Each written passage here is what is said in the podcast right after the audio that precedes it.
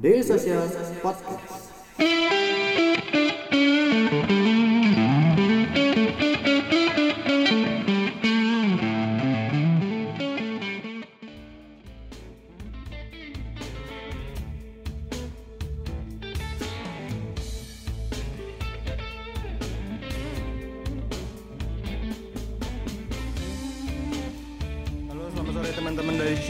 Ketemu lagi di ngobrolin startupnya dari Social Podcast. Nah, sore ini karena kemarin-kemarin kita udah ngebahas tentang branding, terus udah ngebahas juga tentang eh, tentang content creator.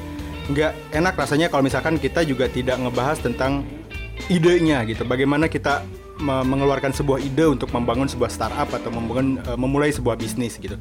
Nah, kebetulan berbicara tentang ide itu tentunya harus kita validasi, harus kita benar-benar persiapkan ide itu dengan baik. Nah, sore ini berhubungan dengan ide, saya udah kedatangan Mas Meidi Fitranto, CEO dan co-foundernya dari Noteflux. Selamat sore Mas Meidi. Sore Mas Egi. Apa kabar Mas? Ah, baik baik. Mas, kita berbicara tentang ide nih Mas. Kebetulan kan minggu-minggu kemarin kita udah berbicara tentang branding, tentang content creator nih untuk untuk memulai bisnis atau untuk para startup-startup yang baru berkembang nih Mas.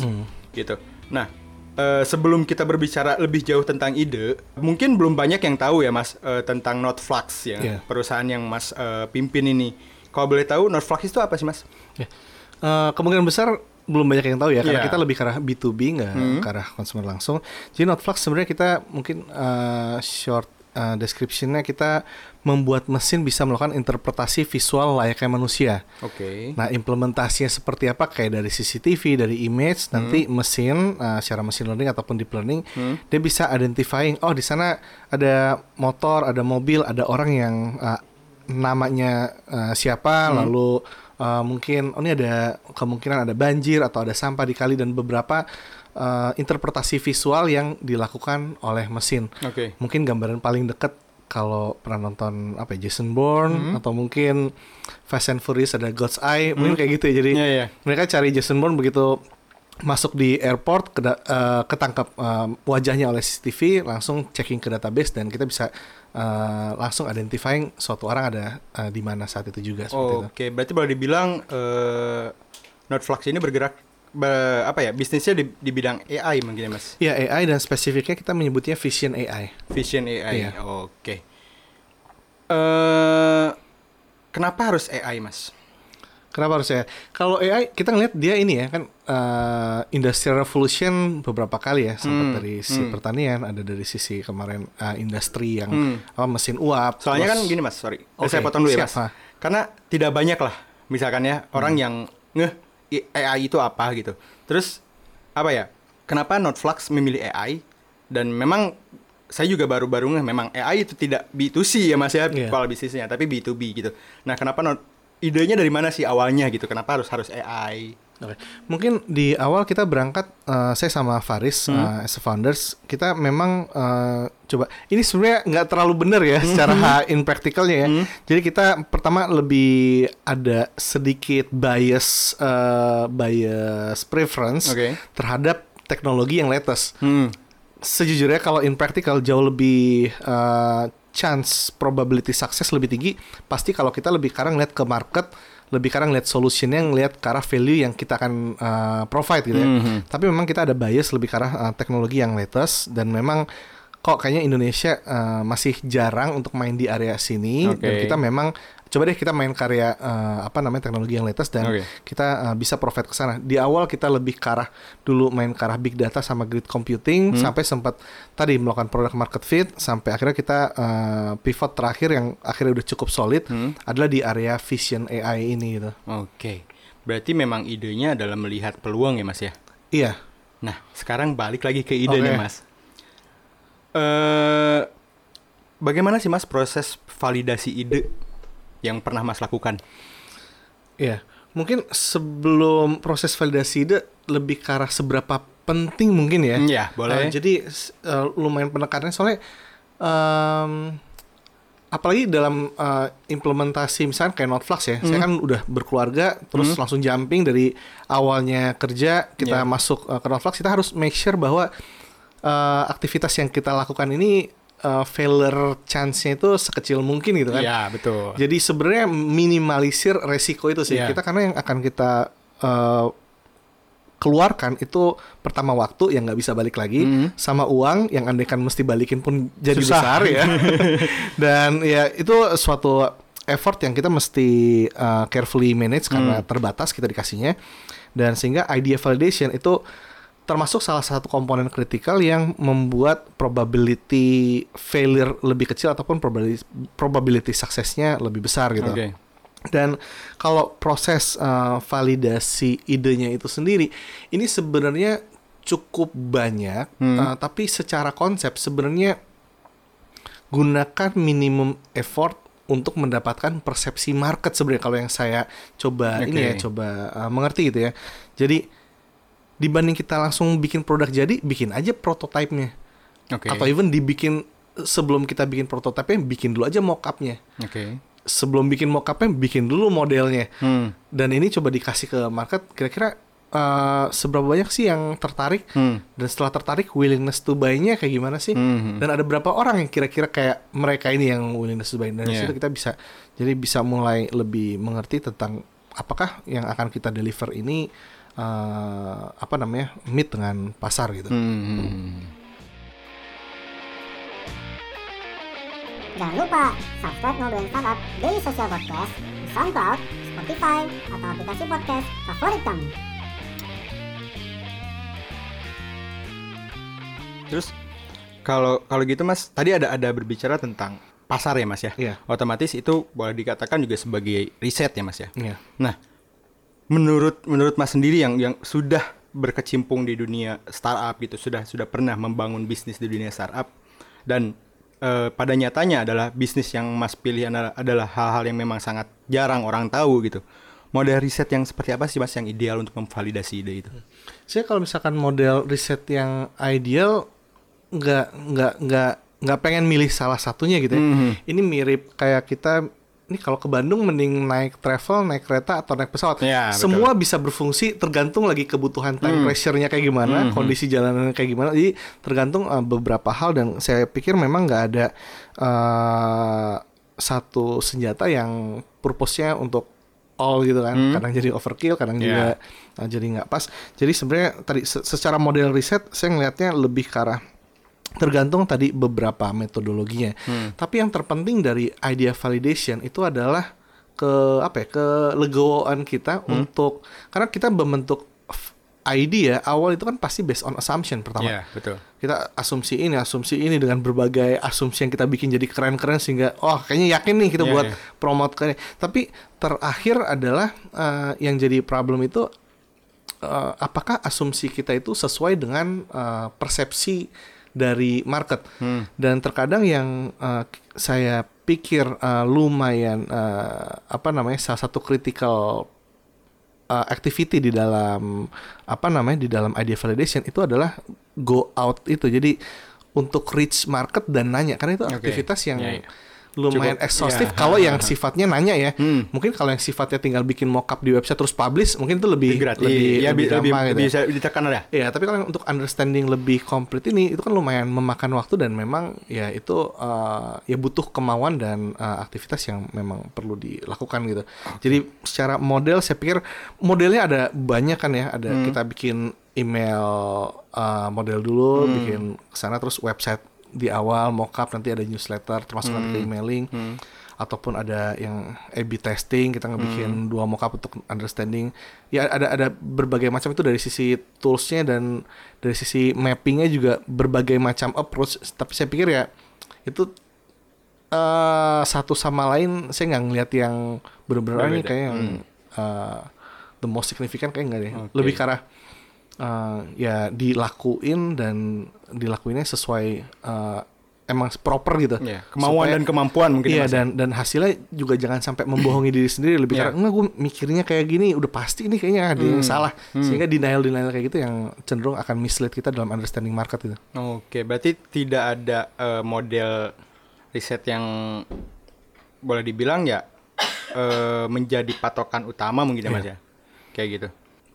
Sekarang kalau melihat perjalanan dari Mas sendiri nih, Meh, da- eh, sebagai CEO dan co-founder nih, otomatis Mas Mas pernah melihat juga atau Mas pernah mendengar cerita juga bagaimana teman-teman Mas CEO lain atau co-founder-founder startup lain dalam hal eh, eh, membangun bisnisnya mereka masing-masing. Nah, menurut Mas pribadi nih, hal apa sih yang sering kali sering kali dilupakan para founder dalam proses vali- validasi ide gitu, sehingga mereka merasa saat eh, eh, apa ya saat praktika saat prakteknya itu eh, kurang optimal gitu apa yang mereka lakukan itu. Hmm, yang sering dilupakan ya. Hmm. Sebenarnya em, saya ngelihat ini yang sering dilupakan justru sebenarnya fleksibilitas dari kebijaksanaan kita making decision. Oke. Saya ngambil contoh an- antara eh galak dengan tegas, Oke. antara apa namanya eh, baik atau lawannya mungkin apa ya yang lebih ke arah jadi akhirnya nggak nggak Munafik. Eh, bentar, kayak kata-katanya misalnya tadi kalau galak sama tegas, ya, memang mungkin bi- bisa lah ya. ya antara sombong dengan confidence. Jadi Oke. ada, ada thin line di Iya situ. iya iya betul betul Nah, betul. menariknya saya itu dari beberapa kali ketemu investor, Hmm. idea memang mereka tanyakan di awal. Ya, betul. Tapi obrolan selanjutnya itu tentang gimana pola pikir kita, gimana kalau ini terjadi, kalau ini terjadi eh, apa yang kalian akan lakukan. Hmm. Terus gimana kalian ngelihat industri, gimana jadi lebih akhirnya ke arah perspektif dan kemampuan decision making kita. Oke. Dan nggak nggak sedikit yang eh, ngomong lebih karena sebenarnya kita juga invest nggak bisa invest ke produk ataupun ke idea dia bilang. Hmm. Karena produk ataupun idea sometimes kalau ketemu ternyata waktu idea validationnya itu nggak meet, Hmm. ini kan harus pivoting gitu kan. Iya, betul. Nah, kemampuan kita pivoting itu kan berarti kita ada di limit. Ini idea masih bisa kita lanjutkan atau nggak? Nah, itu Iya. yang tadi saya bilang di area di kebijaksanaan itu untuk kita tetap uh, kekeh dengan ide yang kita dibikin di awal atau fleksibel untuk bisa apa namanya uh, berpindah haluan. Oke. Tapi ini kan tadi ini thin line yang kalau misalkan kita terlalu fleksibel berubah haluan, yang ada kita muter-muter Ya. tanpa arah yang jelas. Kalau kita terlalu kaku, terlalu strict terhadap suatu tempat, kita udah tahu pengen ke utara, kita jalan ke selatan, kita diemin aja, ah, mungkin ketemu ya kalau di bumi ya, Nah, agak miringin dikit Ya, ya, gitu. ke tenggara gitu, jadi lebih lama gitu ya. Jadi eh, ya akhirnya jadi jadi problem juga sih. Jadi Hmm. di situ memang ada ada part kebijaksanaan di thin line itu untuk uh, kita apakah uh, hasil validation idea ini kita harus harus gimana uh, menanggapinya gitu. Oke. Itu di saya pikir sih situ. Sama yang yang yang lumayan banyak terjebak saya pikir ini sih uh, termasuk di kita juga ya pengalaman di Notflux juga ya. Uh, tadi karena kita lebih berangkat lebih banyak ke arah dari drivennya si teknologinya, Hmm. akhirnya bias kita terhadap produk terhadap teknologinya kita nganggapnya sih keren gitu kan. Oke. Tapi orang lain enggak dan itu lumayan trap-trap lebih ke arah apa namanya? trap-trap eh, tadi bias-bias Bias, itu yang oke. yang yang membahayakan. Berarti kalau gitu boleh dibilang terlalu mementingkan produk mungkin ya dibanding eh, market. marketing. Iya. Karena kalau di saya pernah contoh kalau kita punya uang dikasih apa namanya eh ya banyak banget gitu ya triliunan gitu. Terus timnya isinya profesor semua. Hmm. Terus kita ngebikin produk mungkin yang roket yang keren banget bisa belok-belok apa segala macam. Tapi nggak ada yang ngebutuhin ya. Ya. Ya betul betul betul. Ujungnya kan harus ada yang bayar. Ya, ha, ha, ha. Dan itu ya, ya problem kebanyakan di lapangan. Ya, mungkin kalau teman-teman pendengar podcast masih ingat, ini ada di pembahasannya branding. Gitu. Oh, iya. Kita jangan terlalu mementingkan produk, tapi kita melupakan market Hmm. gitu. Jadi produk dan market itu harus seimbang ya, Mas ya. Iya. Seperti itu. Dek, ngobrol yuk. Ngobrolin apa bang? Ngobrolin startup bareng media sosial.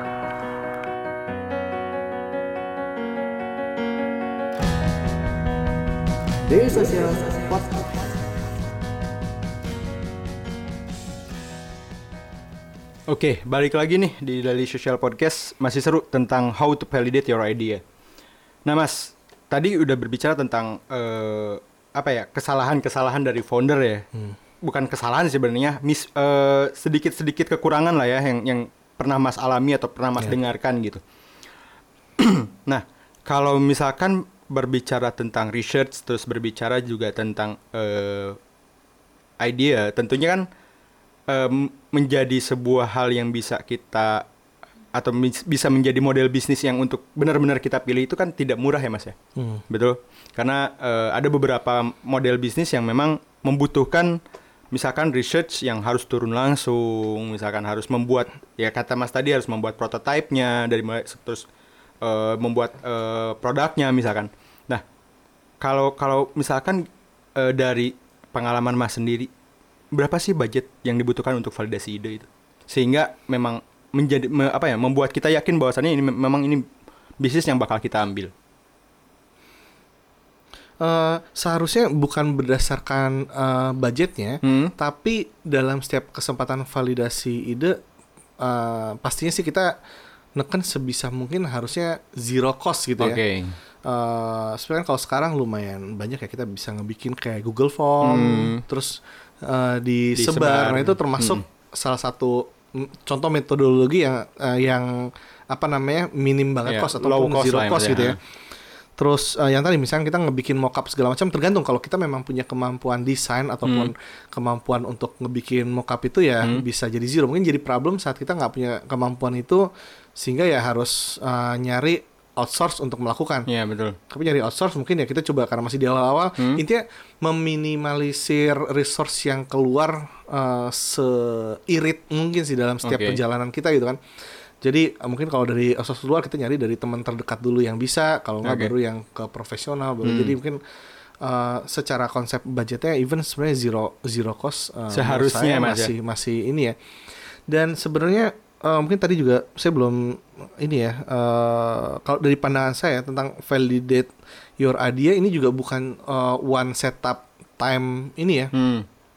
nggak cuman sebelum Sekali doang. waktu fundraising di awal banget Hmm, kita hmm, melakukan validation idea Hmm. ataupun after di early phase-nya Hmm. tapi sebenarnya ini continuous proses Oke. terus menerus sebenarnya Berarti tidak hanya berhenti saat ingin memulai saja. Iya, karena kalau misalkan di awal kita lebih ke arah understanding market yang secara big picture-nya, Hmm. ke depannya kita mungkin lebih ngomong uh, ada dua sih. Ada kalau kita misalkan udah cukup uh, solid dan kita pengen uh, ngegeser apa namanya memperluas market reach-nya, Hmm. ataupun kita pengen meng- apa ya me- meningkatkan value produk di segmen yang sama Oke. itu kan kita dalam product development ada MVP-nya, feature Hmm. apa yang selanjutnya di provide segala macam itu sebenarnya part of uh, validation idea di situ. Oke. Jadi uh, itu akan terus continuous uh, proses karena intinya sih uh, selalu ya apa uh, mengkonfirmasikan uh, asumsi kita terhadap suatu idea sama market itu gitu. Dan ini kan produk pasti continuous uh, Oke. improve. Berarti boleh dibilang bahwasannya eh, validasi ide itu adalah hal yang akan terus terjadi bila Iya. kita membuat sebuah bisnis. Iya. Oke. nah, mungkin karena waktu juga sudah terbatas nih Mas. Hmm. Terakhir aja tips dong untuk mengi- eh, dari dari no- dari Mas gitu sebagai CEO dan co-founder Notflux yang boleh dibilang eh, sudah sudah men- mem- apa ya sudah sudah sudah bisa dikatakan sebuah startup yang memang sudah stabil lah ya Mas ya gitu tips untuk mengoptimalkan proses validasi ide itu validasi ide itu seperti apa sih Mas apa aja gitu mungkin Mas Mas punya tips Ya, Eh, di di awal yang paling penting sebenarnya kan kita punya matrix apa sih yang pengen kita validate. Hmm. Jadi di awal dari objektifnya dulu kan Hmm. kita apa yang bisa kita reach, Hmm. baru kita tarik ke belakang. Ini kita nanti akan ngomong tentang audiensnya, audiens Oke. yang pengen kita jadiin apa namanya responden seberapa luas, Hmm. sama mediumnya seperti apa. Hmm. Dan itu baru dari yang objektif tadi kita ngelihat mana yang kita nanti ada dua pilihan kan. Semakin representatif tentu ya s- kalau kita di ilmu statistik kan Hmm. kita ini pengen sensus atau pengen sampling gitu kan. Oke. Kalau sensus ya pasti mahal, Aha. kalau sampling ya kita harus ngerti juga ini Aha. relevan nggak sih mereka mewakilkan populasi yang sama nggak sih sehingga Hmm. kita bisa melakukan inferensi terhadap populasi yang sama itu gitu kan. Oke. Jadi eh, sebisa mungkin kita yang penting pertama tahu objektifnya dulu, eh, Hmm. matrix apa namanya apa yang pengen di validate, lalu kita eh, balik ke belakang kita cari audience yang apa namanya yang relevan dengan yang kita pengen dan kita cari tadi gimana cara mengakses mereka at the minimum cost sama effort, Oke. lalu secara medium juga at the minimum cost sama effort. Oke. Balik lagi kalau secara toolsnya itu macam-macam yang tadi Iya. bisa dalam bentuk website, dalam bentuk Hmm. email, dalam bentuk contoh eh, beberapa contoh kan kayak misalkan yang seharusnya secara bisnis model sebenarnya harusnya otomasi gitu. Hmm. Tapi sebenarnya untuk ID validation lebih karena orang ngelakuin pendaftaran nanti kita di belakang uh, manual kita Oh iya. kita lakukan terus kita kirim itu contoh-contoh ID validation sebenarnya kayak gitu Oh, kan. iya. Jadi lebih karena dibanding kita bikin mesinnya dulu untuk Mesinnya, melakukan iya. automation seperti itu yang butuh waktu dan butuh orang Hmm. ya ngerjain manual dulu aja. Yang penting secara konsep flow-nya orang jadi dapat contoh Iya. kayak gitu. Jadi sebisa mungkin uh, tadi kita tahu objektifnya, dapat audiens sama medium yang memang uh, Cocok. relevan Hmm. atau mewakilkan, lalu cari at the minimum cost. Oke. Karena startup itu memang kita dikasih nyawa kan, Iya. dikasih runway ya. Ini su- jangan sampai habis itu nyawa nyawa kita gitu. Hmm, Oke. Tunggu dulu Ferguson. Ada apa? Ngobrol startup belum selesai. Nah, satu lagi nih Mas yang pasti saya tagih ke setiap yang saya ajak ngobrol di Oh, iya. Daily Social Podcast.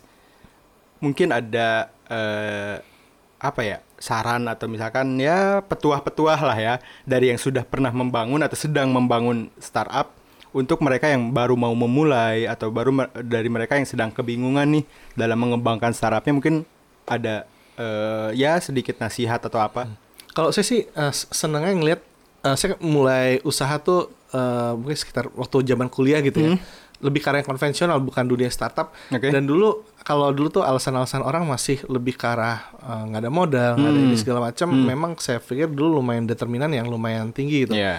Dan saya pikir di zaman sekarang ternyata item tentang uang itu kok tiba-tiba saya ngerasanya rada hilang Oke. tiba-tiba saya ngelihat dengan ada banyaknya visi, incubator, uh, incubation program segala macam, saya ngelihat ternyata untuk apa namanya untuk orang yang punya ide dan pengen mengeksekusikannya, ternyata banyak juga udah udah kebentuk ekosistem yang orang yang uh, ataupun entitas yang punya uang yang juga Mencari. siap untuk Ha. mencari mereka gitu Ha, kan. ha. Ini masa yang cukup uh, menarik untuk Oke. entrepreneur saya Hmm, pikir. hmm.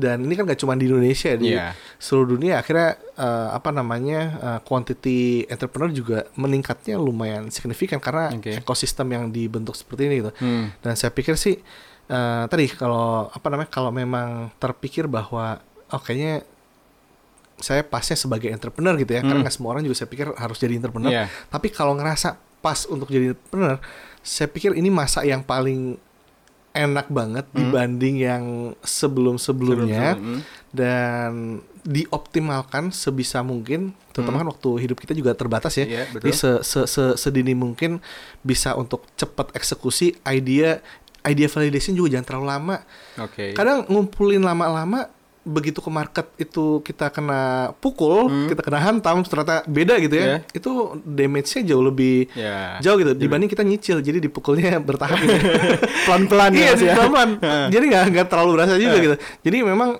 uh, saya pikir ya, yang penting cepet eksekusinya sih jangan Cepet jangan kebanyakan ngimpi kebanyakan ini Heeh. dan itu tadi uh, ini masa yang yang cukup menarik Heeh. cukup apa namanya uh, opportunity buat orang somehow jadi lebih Lebih besar equal ya, ya. uh, masing-masing Hmm. jadi kita nggak kita bukan dari keluarga pengusaha juga bisa akses ke dana itu juga Hmm. Oke. jadi lebih possible ya dimanfaatkan sebisa mungkin dan ya semakin banyak entrepreneur harusnya sih Indonesia semakin menarik ya. Ya, oke.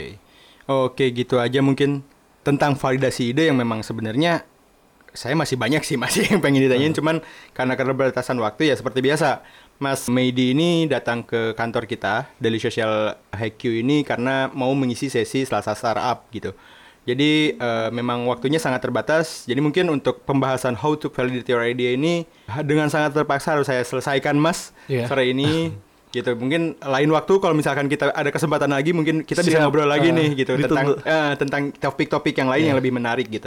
Mungkin segitu aja mas. Makasih eh, untuk mas Meidi dan teman-temannya. Mungkin eh, untuk para pendengar podcast juga segitu aja mungkin pembahasan kita. Dan bagi saya sih yang mendengarnya langsung memang banyak lah hal-hal yang bisa kita kita dapatkan dari obrolan kita hari ini gitu. Mungkin segitu aja. Terima kasih teman-teman pendengar podcast udah terus ngedengerin dari Social Podcast. Jangan lupa di follow kita di Spotify, di SoundCloud atau di eh, aplikasi podcast kes- kesayangan kamu gitu. Oke, terima kasih. Selamat sore dan sampai jumpa di episode selanjutnya.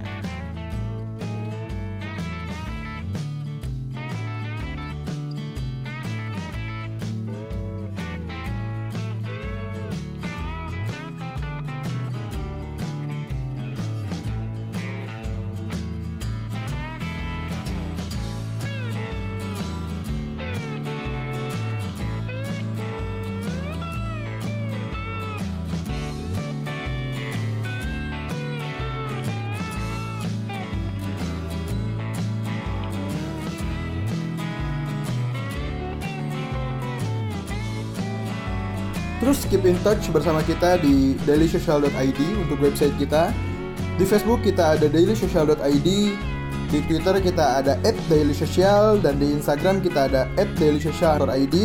Di LinkedIn kita ada Daily Social dan di YouTube kita ada Daily Social.